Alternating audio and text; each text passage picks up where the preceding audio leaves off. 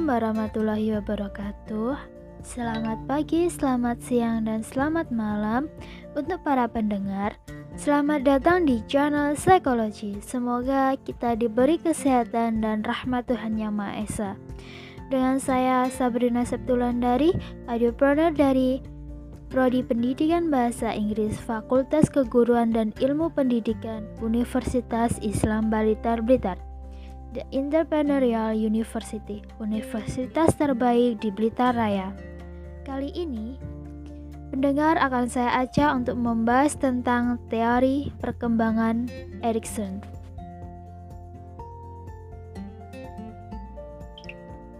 Oke, langsung saja kita membahas tentang siapa sih Erikson itu.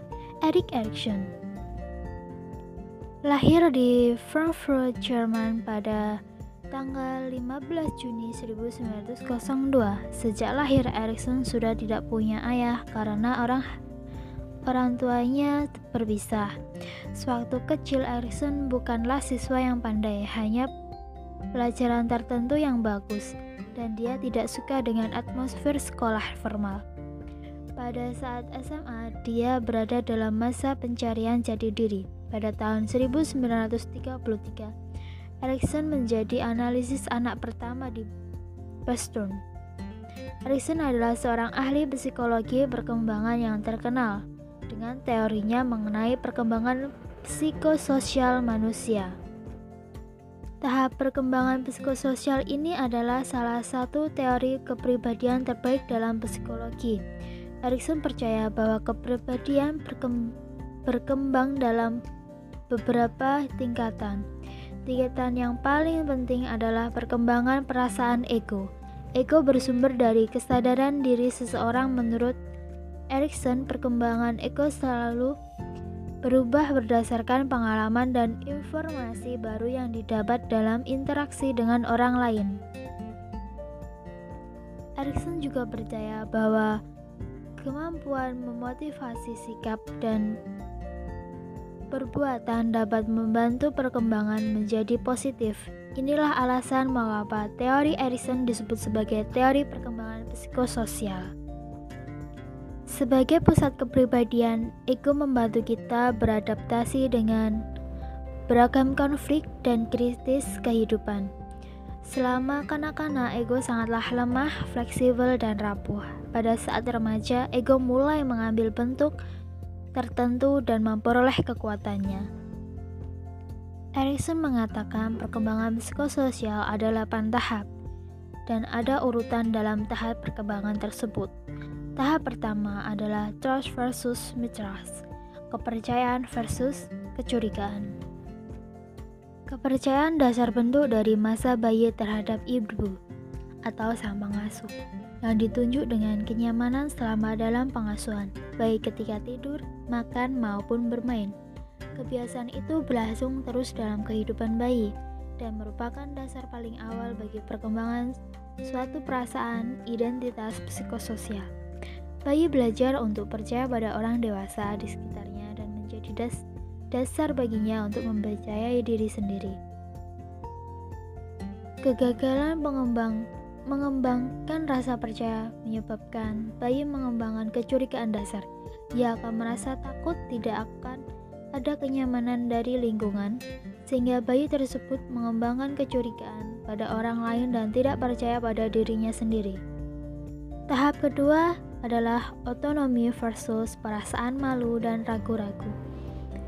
Tahap ini, anak cenderung aktif dalam segala hal, anak harus didorong untuk mengalami situasi-situasi yang menurut menuntut kemandirian dalam melakukan pilihan.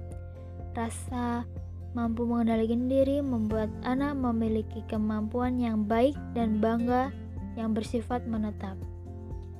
Sebaliknya, pembatasan ruang gerak pada anak dapat menyebabkan anak akan mudah menyerah dan kehilangan kontrol diri sehingga menyebabkan perasaan malu dan ragu-ragu dalam bertindak yang juga bersifat bersifat menetap. Tahap 3 adalah inisiatif versus kesalahan. Tahap inisiatif yaitu suatu masa untuk memperluas penguasaan dan tanggung jawab dengan berinteraksi dengan lingkungan. Selama tahap ini, anak menampilkan diri lebih maju dan lebih seimbang secara fisik maupun kejiwaan yang memunculkan rasa ingin tahu terhadap segala hal yang dilihatnya. Akan tetapi, bila anak-anak pada masa ini mendapat pola asuh yang salah, mereka cenderung merasa bersalah dan akhirnya hanya berdiam diri. Keterasingan batin timbul karena suatu perasaan bersalah dan sifat ini menetap hingga dewasa. Tahap keempat, kerajinan versus inferioritas. Pada tahap perkembangan psikososial Erikson ini, individu diharapkan mulai menempuh pendidikan formal. Orang tua harus mendorong, guru harus memberi perhatian, teman harus menerima kehadirannya Bahaya dari tahap ini ialah anak bisa mengembangkan perasaan rendah diri apabila ia tidak berhasil menguasai tugas-tugas yang dipilih atau yang diberikan oleh guru dan orang tua. Anak dapat mengembangkan sikap rajin jika anak tidak dapat meraih sukses karena mereka merasa tidak mampu atau inferioritas. Anak dapat mengembangkan sikap rendah diri. Tahapan yang kelima, identitas first kekacauan identitas. Individu mulai mencari siapa dirinya, namun sudah siap untuk memasuki suatu peranan yang berarti di tengah masyarakat. Pada tahap ini, ego mulai kapasitas untuk memilih dan mengintegrasikan bakat-bakat dan keterampilan dalam melakukan identifikasi dengan orang yang sependapat dalam lingkungan sosial, serta menjaga pertahanannya terhadap berbagai ancaman dan kecaman, kecemasan. Apabila terjadi krisis identitas, membentuk membentuk bentuk suatu identitas yang stabil atau sebaliknya akan kekacauan peranan. Apabila seorang remaja dalam mencari jadi dirinya bergaul dengan lingkungan yang baik, maka akan tercipta identitas yang baik pula. Namun, jika remaja bergaul dengan lingkungan yang kurang baik, maka akan timbul kekacauan identitas pada diri remaja tersebut. Selanjutnya adalah tahap keenam, keintiman versus isolasi. Dalam tahap perkembangan psikososial Erikson ini, individu memiliki keinginan dan kesiapan untuk menyatukan identitasnya dengan orang lain dan diistilahkan dengan kata cinta. Agar memiliki arti sosial yang bersifat menetap, maka genitalitas membutuhkan seseorang untuk dicintai dan diajak mengadakan hubungan seksual. Apabila hal tersebut tidak dapat dilakukan, ada kecenderungan mengalami masalah intimasi, yaitu isolasi. Selanjutnya tahap ketujuh, generativitas versus tanaksi. Tugas yang harus dicapai dalam tahap ini adalah dapat mengabdikan diri guna mencapai keseimbangan antara sifat melahirkan sesuatu atau generativitas dengan tidak melakukan apa-apa atau stagnasi. Individu menaruh perhatian-perhatian terhadap apa yang dihasilkan, keturunan, produk, ide, serta membentukkan dan penetapan garis-garis pedoman untuk generasi mendatang.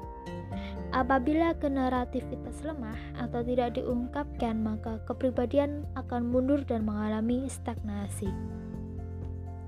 Yang terakhir adalah integritas versus keputusan.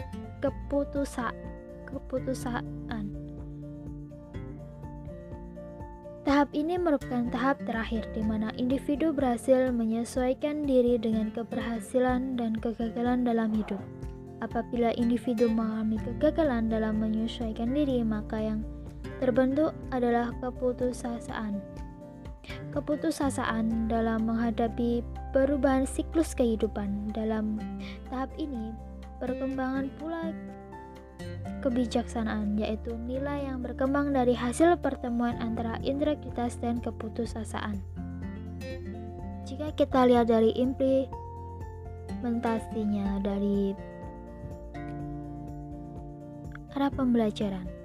Sejak anak memasuki sekolah dasar pada usia kurang lebih 6 tahun, menurut teori Erikson, usia ini sudah memasuki fase keempat. Ketekanan, dan rendah diri. Siswa yang masuk ke dalam suatu sekolah memiliki latar belakang yang berbeda-beda. Agar pembelajaran menjadi lebih efisien dan efektif, hendaknya seseorang, seorang guru harus mengenali karakteristik peserta didiknya. Pada tahap ini, hendaknya guru dapat memotivasi siswanya agar dapat melalui fase ini dengan baik sehingga siswa tidak merasa rendah diri akan kekurangan yang dimilikinya. Nah, itulah teori tentang Erikson. Mungkin sampai di sini dulu penjelasan dari saya. Terima kasih telah mendengarkan. Penjelasan saya tentang teori Erikson ini sebelumnya saya mohon undur diri dan mohon maaf jika tutur kata saya ada salah karena manusia tidak ada tidak ada yang luput dari kesalahan. Sekian, terima kasih. Wassalamualaikum warahmatullahi wabarakatuh.